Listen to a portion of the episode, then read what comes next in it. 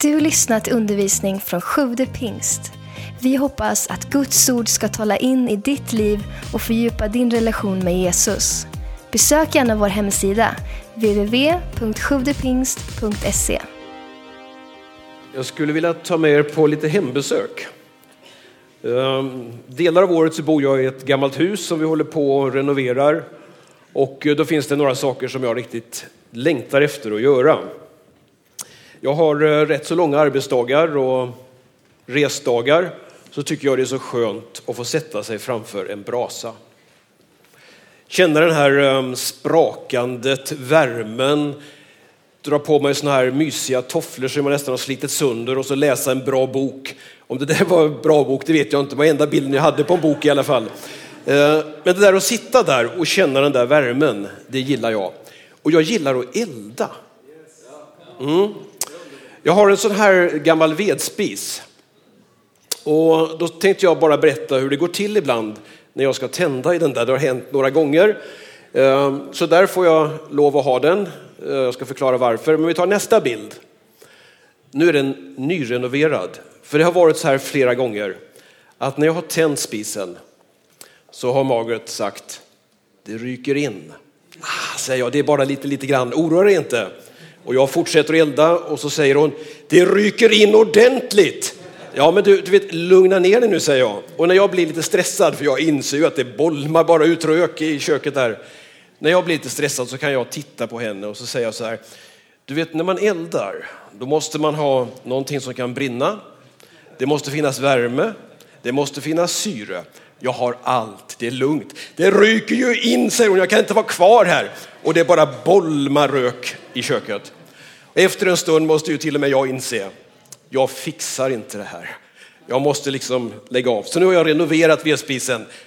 Kan jag avslöja, jag har inte vågat tända i den än. Sotan har varit där och gjort rent för allting ska fungera. Varför börjar jag berätta det här när jag ska prata om att tända ljus? Jo, ibland så låter det så lätt. Men i verkligheten så är det inte så enkelt. Om du försökt att tända eld någon gång och virket är lite surt, då vet du hur svårt det är. Det gäller ibland att förutsättningarna är rätta för att det ska fungera, det som man teoretiskt då kan. Idag vill jag ha två enkla tankar utifrån begreppet tänd ett ljus och bibelordet då där Jesus kliver fram och så säger Jesus till oss så här att jag är världens ljus. Den som följer mig ska inte behöva vandra i mörkret utan ska ha livets ljus. Några enkla tankar kring det här med ljuset i våra liv vill jag förmedla den här dagen när vi firar andra advent. Ska vi bara be tillsammans? Herre, tack att du är världens ljus. Du är det stora ljuset. Och Herre, vi vet det att när du kommer in så kan du skingra allt mörker, hur kompakt det än är. Och vi ber idag att vi ska få vägledning i ditt ord så att vi kan få känna det, att vi inte behöver leva i mörkret utan vi kan få ha livets ljus. Det är vår bön och vår önskan idag i Jesu namn. Amen. Jesus träder alltså fram och säger så här att jag är världens ljus. Nu ska inte jag stanna inför det här med jag är, men det är väldigt intressant att Jesus ett antal gånger använder det här ordet som egentligen går tillbaka till hebreiskans och uttrycket för Guds eget namn, där han säger att jag är. Och Jesus uttrycker ett antal gånger att han är någonting. Och vid det här tillfället då, då vi ska stanna inför, så säger han då att jag är världens ljus. Varför använder Jesus ett sådant ord? Och vad betyder egentligen ljus? En del av er, eh, ni är eh, väl bevandrade i fysikaliska sammanhang. Ska vi se om vi kan få upp en liten bild här på elektromagnetisk strålning. Det är, jag kan inte förklara det, men när fysikerna förklarar det så är det ett ljus. Och det ljus som vi kan se med det mänskliga ögat, det är bara en liten, liten del där. Men det totala ljuset, det lyser igenom och en del, ni har ju varit med om det här med röntgen, som är en del av den här elektromagnetiska strålningen som ser igenom allt. Och så kan man ibland kanske känna med Gud också, han ser igenom allt. Men ögat, det har ett väldigt, väldigt begränsat litet område där och det är det som är då det som vi kan då se och det som kan vara. Och Jesus han använder då de här bilderna utav sig, att han är ett ljus och att han vill vara livets ljus för oss. Nu handlar nog inte det om det fysikaliska ljuset, utan kanske inte ens om en sinnesupplevelse, utan det handlar om en, en bild som Jesus vill överföra utav vad han kan göra. Nämligen det att om han är ljus så använder han det ordet därför att det finns också ett mörker som omsluter. Och så är det fysiska egenskapen då att hur kompakt det här mörkret än är, hur svart det än är, så har alltid ljuset seger över mörkret. Hur tätt det än är så drivs det undan. När det här lilla ljuset tänds så försvinner då det här mörkret. Och Jesus han säger i ett sammanhang, eller det är egentligen Johannes som säger det om Jesus, att om vi vandrar i ljuset, liksom han är i ljuset, så har vi gemenskap med varandra. Och blodet från Jesus, hans son, renar oss från all synd. Så det innebär alltså att när man har fått ta del av det här ljuset för sin egen del, så får man också en gemenskap med andra på ett speciellt sätt. Man känner det att när man vandrar med Jesus så har man också gemenskap med andra. Tänd ett ljus i ditt eget liv, skulle jag vilja börja med. Innan jag går över till att tända ett ljus i andras liv. När ehm, Jesus får frågan en gång så här, vad är det viktigaste utav allting? Så eh, svarar han så här och citerar eh, gamla testamentet. Hör Israel, Herren vår Gud är den enda guden. Du ska älska Herren din Gud av hela ditt hjärta, av hela din själ, av hela ditt förstånd och av hela din kraft. Sen kommer detta, du ska älska din nästa som dig själv. Det här med självet, jaget, det är någonting som är en förutsättning att när det ska hända någonting i andras liv, att det också har hänt i mitt eget liv. Och därför så börjar Jesus med att förklara det att det största det är det att, att ja, det här att älska Gud, det är ju det allra högsta. Att älska andra, men också det där att älska sig själv och utgå ifrån sitt eget. Jaget är ofta en utgångspunkt i väldigt mycket. Det är en balanspunkt som blir väldigt viktig i våra liv. För det finns någonting som gör att jaget eller själviskheten kan stå så i centrum att den blockerar det som Gud vill ge till oss. Som gör det att eh, man kan komma i en situation där, där jaget liksom då tar över och man inte riktigt förstår. Det handlar om krafter som kommer in i våra liv på olika sätt. Och i andra Korintierbrevet 4 och 6 så står det så här att ehm, det här ljuset som borde komma, för det finns ju inga begränsningar för Gud, det är ändå någonting som hindrar. Och det står så här i, ehm, i ehm, andra Korintierbrevet 4 och 6. Ty Gud som sa, ljus ska lysa ur mörkret har lyst upp mitt hjärta för att kunskapen om Guds härlighet som strålar från Kristi ansikte ska sprida sitt ljus. Det handlar alltså om att det börjar någonting i mitt eget hjärta. Och så talar Bibeln om det, att jag kan få bli upplyst. Det innebär då att eh, det mörker som man kan känna inom sig, det har fördrivits bort därför att Guds ljus har liksom kommit in och lyst upp min inre varelse. Jag har haft förmånen att få studera några olika ämnen och jag började mina studier med att läsa teologi och då eh, så drabbas man ju av eh, hårda lärare. Jag hade jätteduktiga lärare, jag är jätteglad för den tiden. Under fyra år så betade man av då mängder av litteratur, skrev massor med uppsatser och så blev man liksom utsatt så där man levde i detta. Då läser man bland annat när man ska bli pastor, någonting som heter systematisk teologi. Och då går man igenom de olika lärorna och så, så är det massor med böcker som man då ska läsa. Så kom vi till den här studierna då som handlade om hammarteologi, läran om synd. Och då är den stora frågan, vad är synd egentligen? Och så läste vi litteratur från lärda män och så fick vi prov på detta. Sen steg vår lärare fram en dag och jag är utbildad i USA och där när man använder ordet synd så kallas det då på engelska för sin. Så gick han fram till tavlan och så sa han så här, nu har ni tagit del av världens teologer. Nu har ni läst detta och fått en, en insikt i vad Bibeln säger om synd. Nu ska jag förklara det för er. Och så gick han fram till tavlan och så skrev han ordet synd på engelska. S-I-N. Men han skrev i ett väldigt, väldigt stort. För den som kan engelska så vet ni att när vi pratar om pronomen, första person singularis på engelska, det heter I, jag. Och så sa han så här, kom ihåg det här nu, att synd, det är när du ställer dig själv i mitten för allting. När du lyfter fram dig själv och när jaget tar över.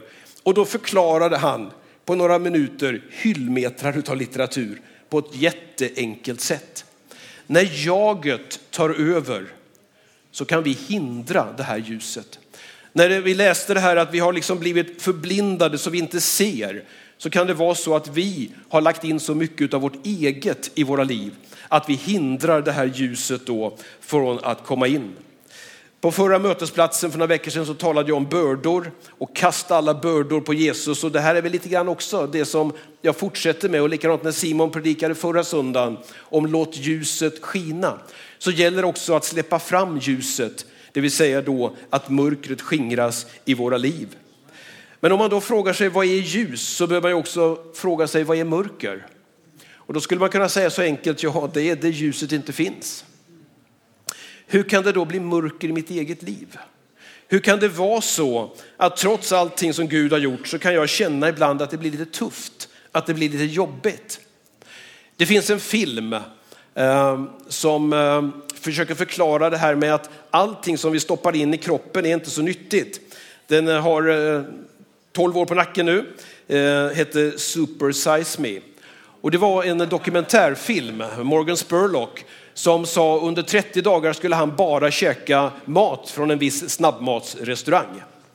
Och så stod han under läkarnas hälsokontroller och det visade sig att det var, det var mat, den var i och för sig näringsriktig. Men det hände någonting med hans kropp därför att han stoppade i sig en massa saker som inte var sunt, som inte var bra, trots det här företagets alla deklarationer om näring. Paolo Roberto har gjort ett liknande experiment här i Sverige och visar på det där med hur en idrottsman kan brytas ner när man släpper in saker i sitt liv. Så är det och så vet vi med kroppen. Men så är det också med vår själ, med vår sinnesvärld. Att ibland så kan det vara så att det kommer in saker och ting i våra liv. Om man tittar idag på vad är det som eh, unga tjejer svarar på det här med eh, oro, med ångest, med, med tankar som ibland man uttrycker som mörka tankar, oroande tankar. Så man mäter ju allting i Sverige. Tittar vi på det här nu med det som då kallas för psykisk ohälsa så kan man se på en sån här liten figur här och vi får upp den bakom oss här att i åldersgruppen 16 till 29 år så säger alltså hälften av alla unga kvinnor i Sverige att de känner ängslan, oro eller ångest. När man sitter ner med de här människorna och vi som pastorer och själavårdare, vi möter ju människor som uttrycker det här i samtal med oss. Då är det väldigt ofta att man säger så här, det är så mörkt. Jag har mörka tankar. Eller det blev alldeles svart för mig. Och det där är någonting som man till och med talar om att det här kanske är en, alltså inte bara ett folkhälsoproblem, utan kanske till och med en folksjukdom i Sverige idag. Att det är så mycket som är, som har kommit in, som man då uttrycker som att det där är mörker på olika sätt. Om man säger att det är med psykisk ohälsa, det är en snabbt växande hälsofara. Hälften av de unga kvinnorna i Sverige säger att det där mörkret, man uttrycker på lite olika sätt, det känner jag inom mig. Det är därför som vi som kyrka vill träda upp och säga, vi har mött honom som säger, jag är världens ljus. Den som följer mig ska inte behöva vandra i mörkret utan han ska ha livets ljus. Det finns alltså en dimension i det gudomliga. När det här ljuset får komma in i våra liv så kan mörkret då försvinna och det kan då träda tillbaka. I eh, torsdags var det väl, så var jag på en konferens. Jag har förmånen att få vara på väldigt många olika spännande sammanhang. Eh, då var jag på en konferens om genusforskning, om eh, könsnormaliteter, om maktordningsfrågor. Ett antal forskare och ett antal personer som eh, jobbade med det här. De försökte beskriva det här idag med samhällsförändringar. Och de hade några bilder, jag har inte just de bilderna. Men om vi tittar på det här så pratade de om två maktförskjutningar som pågår. Det ena är då att man har gått ifrån allvetarmakten till det här med deltagarmakt, egenmakt. Vi som predikanter, vi skulle ju önska så här att vi säger så här, så här ska du göra och så går folk och gör det. Ja, det är nog bara ett önsketänkande. Därför att de flesta de funderar själva, de tar självständiga beslut. Det går nog inte längre idag att säga till folk, gå ditåt, utan då säger man, varför ska jag gå ditåt? Vi har lärt oss det med kritiskt tänkande. Man vill vara med, man vill, man vill vara med och, och ta makten över sina egna liv. Och därför så blir det så att du har också ett stort ansvar för vad det är som du släpper in i ditt liv. När jag var liten så nere på Trädgårdsgatan så hette ett hus Philadelphia och då gick jag i söndagsskolan. Jag är född och uppvuxen här i Skövde och då, då lärde vi oss en sång som var någonting i den här stilen. Var försiktig lilla öga vad du ser. Var försiktig lilla öga vad du ser. Och så fortsatte den. Och så försökte man lära barnen det där att du har förmåga att se en massa saker. Du har förmåga att höra en massa saker. Du har förmåga att gå in i en massa platser. Men allt är inte nyttigt för dig. Men du ska veta det att i livets alla omständigheter så finns det en far i himlen som bryr sig om din situation och som vakar över dig. Han ser dig, han förstår dig och han vill ditt allra bästa. Och det som jag vill uppmuntra dig idag, det kanske är någonting du har hört förut, men det är det här att släpp in det här livets ljus i ditt liv. Och om det är så att du känner det, att du tillåter ibland mörkret, så vill jag bara uppmana dig idag att ta de här besluten så att Jesus får tränga in riktigt rejält och skingra mörkret i ditt liv. När man har varit med om det, och många av oss har ju den erfarenheten, så vill man också dela det här. Vi hörde nu Story of Christmas. Visst är det kul, visst är det roligt, men det har ett mycket, mycket större syfte. Vi vill nå den här staden. Vi vill att människor ska få sina liv förvandlade. Det är därför som vi gör sådana här arrangemang, utåtriktade event eller vad vi ska kalla det. Att tända ett ljus i mitt liv, ja det är viktigt, men också att vara med och tända, liv i andra, eller tända ljus i andras liv. I, I Bibeln finns det några uppmaningar som handlar om det här att när man ska säga någonting så finns det någonting som går hand i hand med orden, nämligen våra handlingar. Och Bibeln försöker säga det att om, om handlingarna inte stämmer, stämmer överens så kan ibland orden bli rätt så tomma.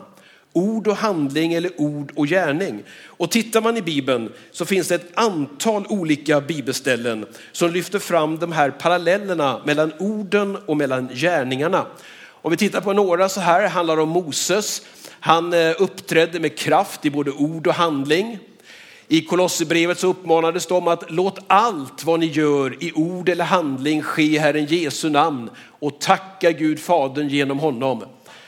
I Johannes, mina barn, låt oss inte älska med tomma ord utan med handling och sanning. Jag vågar inte tala om annat än det som Kristus har gjort genom mig för att hedningarna ska föras till lydnad i ord och gärning, säger Paulus i Romarbrevet. Och så i andra Thessalonikerbrevet så vill han uppmuntra och styrka er till allt gott i gärningar och ord. Det här hänger liksom ihop på olika sätt, ord och gärningar. Om vi bara stannar lite grann inför ord så har ord en enorm makt. Vi vet ju när Bibeln börjar så säger den så här att eh, Gud sa och det blev till. Det finns en, en sprängkraft i ord. Och ord de har en, en förmåga att när de förmedlas då till någon annan så kan de antingen bygga upp eller också kan de dra ner människor. Och de ord som man uttalar, de kan man aldrig ta tillbaka. Det som man har sagt, det kan aldrig liksom upphöra, utan det är gjort. Sen kan man be om ursäkt för man har sagt och så. Men Bibeln uppmanar någonting till det här med, med våra ord. Och jag tänkte bara stanna inför ett enda ord och några bibelställen. Ett ord som jag tror vi skulle behöva ha väldigt mycket mer idag för att just vara med och tända ljus hos andra människor. Och det är ordet uppmuntran. Att vara med och uppmuntra människor. I själva ordets innebörd så innebär det att man gör någonting så att människor växer. Och det är det som jag tror livets ljus handlar om. Att man ska få känna det, att man liksom får uppleva någonting där man får mening i tillvaron. Där man inte behöver famla i ett mörker utan får känna färdriktning och ha ett ljus som leder.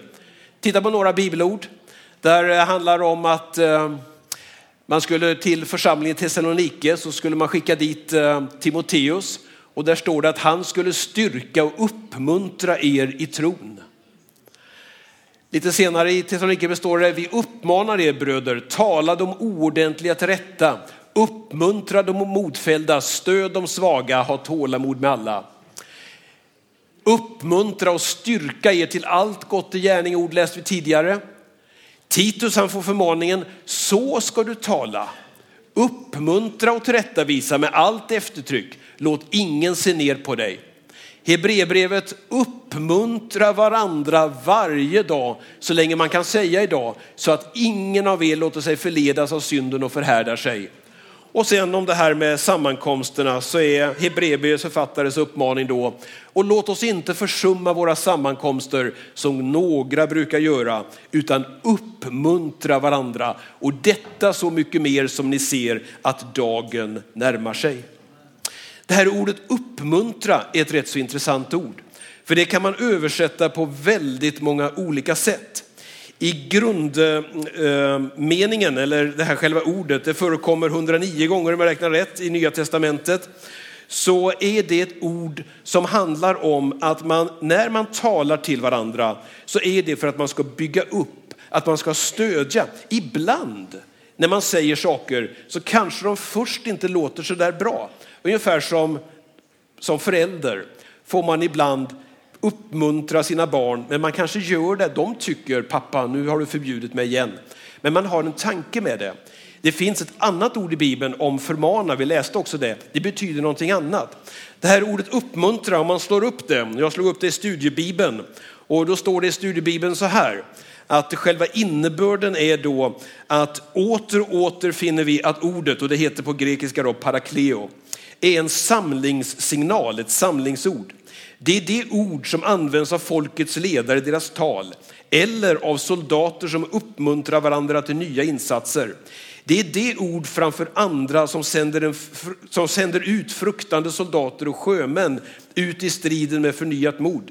En parakletos är därför en som uppmuntrar och gjuter nytt mod i de försagda och modlösa.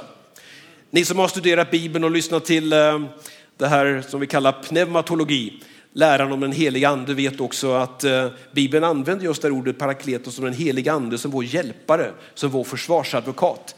Men här så är innebörden då att det ska finnas människor som är sådana här människor som är med och uppmuntrar, som är med och, och lyfter andra människor. Och jag kände så starkt att det där är ett ord idag när människor känner mörker, känner motgång, känner bedrövelser, att det där får vara de där ljuständarna. Och då kanske man inte börjar med att skicka in den där fullmatade vedbrasan som jag börjar beskriva i början, utan man kanske börjar på lite annorlunda sätt. Och de där orden, vänliga, varma ord som en möjlighet att komma in i någon människas liv. Ord har stor betydelse. Jag ska säga något kort, för det handlade ju också om det här med, med gärningar eller, eller handlingar. Om vi tar en, en ytterligare bild här. Så man kan ju säga så här att goda gärningar de leder till väldigt mycket. Och Bibeln uppmanar oss att göra saker. Men det är ju inte genom att vi gör dem som vi får en bättre ställning hos Gud. Utan vi gör dem därför att vi älskar Gud och vill dela med oss av något till honom. Vi är frälsta av nåd. För några veckor sedan så predikade Sven här om trons lydnad. Då hade du inte möjlighet att vara med här skulle jag vilja rekommendera att lyssna på den predikan. Därför att det är inte det här att vi gör oss förtjänta inför Gud på något sätt. Utan det är en nåd att Gud tar emot oss. Men det har ändå betydelse för andra människor att vi gör saker och ting. Att vi är med och att vi tjänar. Att vi är med på olika sätt och delar med oss. I Matteus 5 så talar Jesus om, eh, eller han undervisar i sin perspredikan och säger många saker om oss. Och han, vi läste ju ifrån Johannes evangeliet när Jesus sa det att han är världens ljus. Men i Matteus femte kapitel så står det i eh, bergspredikan här om att det inte bara är han som är livets ljus. Utan budskapet till omvärlden, det är också det att vi är världens ljus. Och då ska jag läsa till här. Först har han sagt så här att ni är jordens salt. Och sen kommer han till här i 5 och 14 i Matteus. Då står det så här. Ni är världens ljus.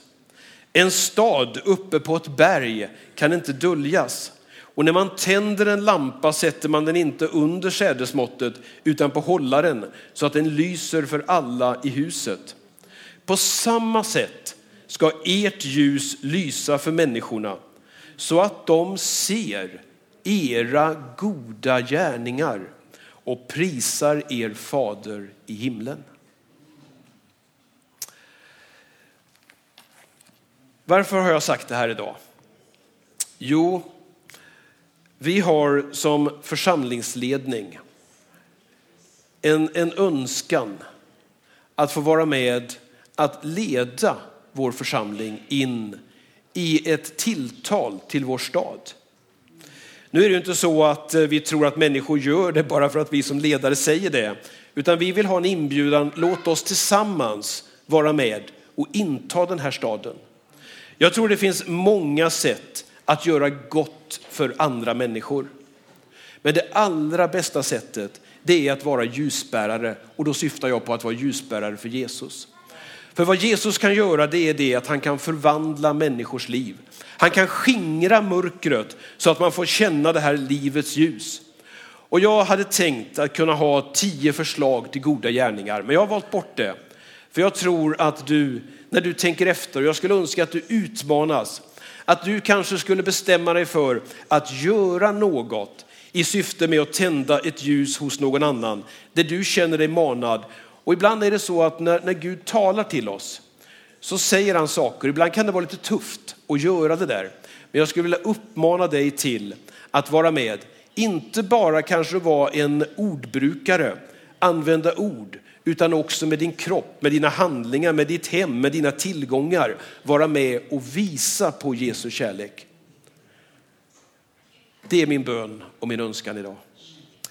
Det jag har sagt är att eh, min önskan är att låt Jesus komma in i ditt liv och driva ut ditt mörker. Om du känner det att du har mörker så vill vi avsluta vår gudstjänst. Vi ska ha nattvard om en stund. Men vi vill gärna be för dig idag. Men jag skulle också vilja att du ansluter dig till skaran som vill vara med och göra goda gärningar för dina medmänniskor. Herre, jag bara tackar dig för att du är det stora ljuset. Tackar dig för alla de möjligheter som eh, du har idag, för ingenting är omöjligt för dig. Allt är möjligt. Och jag bara ber Herre att det här livets ljus, att det skulle få tränga ut allt det här mörker som individer känner, men också det mörker som finns över samhället och det ljuset får tränga igenom. Herre, vi litar på ditt löfte att jag är världens ljus och att den som följer dig ska inte behöva vandra i mörkret utan ha livets ljus. Och det är vår bön och vår önskan att du ska träda fram och vi ska få uppleva det, att vi också kan vara med, att verka för och tjäna dig idag. Tjäna dig med glädje till våra medmänniskor så att fler får uppleva ljuset ifrån himlen. Herre, vi ber att du ska tala till oss i Jesu namn. Amen. Tack för att du lyssnat. Glöm inte att du alltid är välkommen till vår kyrka. Du hittar mer info på www.sjuvdepingst.se